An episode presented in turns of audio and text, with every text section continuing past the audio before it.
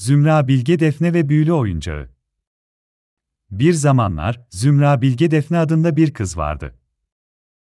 Defne, sadece 5 yaşında olmasına rağmen, çok zeki ve meraklı bir çocuktu. Ailesiyle birlikte Bilge evinde yaşayan Defne'nin en büyük tutkusu ise oyun oynamaktı.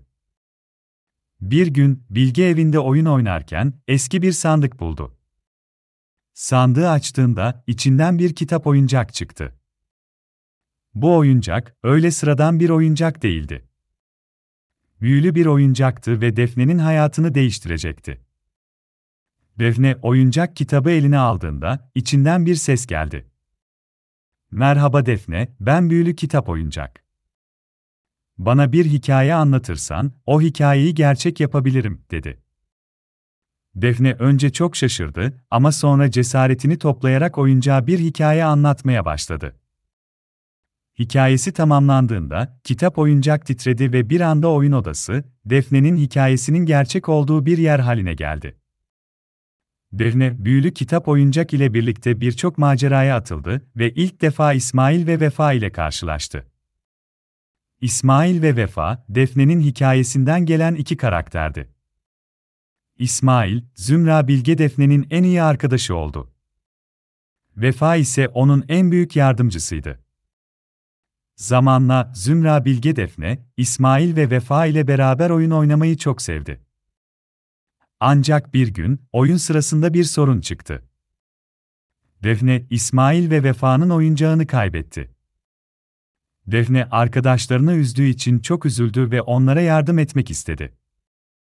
Yardımlaşma konusunda Defne'nin aklına büyülü kitap oyuncak geldi. Defne, oyuncak kitabı eline aldı ve büyülü kitap oyuncak, arkadaşlarımın oyuncağını kaybettim. Onlara yardım etmek ve oyuncağını geri bulmak istiyorum, dedi. Büyülü kitap oyuncak, Defne'nin bu isteğini kabul etti ve bir hikaye oluşturmasını istedi. Defne hemen bir hikaye oluşturmaya başladı ve hikayesinde oyuncağın nerede olduğunu ve nasıl bulunabileceğini anlattı.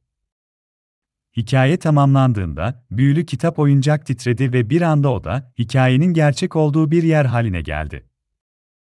Sümra Bilge Defne, İsmail ve Vefa ile birlikte oyuncağı aramaya başladı. Sonunda, Defne'nin hikayesi sayesinde oyuncağı buldular ve İsmail ile Vefa çok sevindi. O gün Defne, yardımlaşmanın ve empatinin ne kadar önemli olduğunu anladı.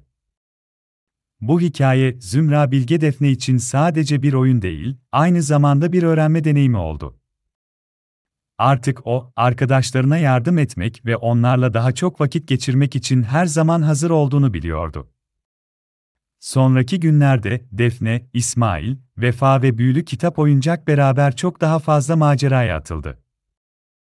Onlar her zaman birlikteydiler ve her zaman birbirlerine yardım ettiler. Defne artık hayatın en önemli değerlerinden birinin yardımlaşma olduğunu biliyordu. Bu hikayenin sonunda Zümra Bilge Defne, büyülü kitap oyuncak, İsmail ve Vefa'nın sadece oyun oynamadıklarını, aynı zamanda birlikte büyüdüklerini ve birbirlerine yardım ettiklerini anladık. Ve onların hikayesi, bize yardımlaşmanın, dostluğun ve sevginin önemini hatırlattı.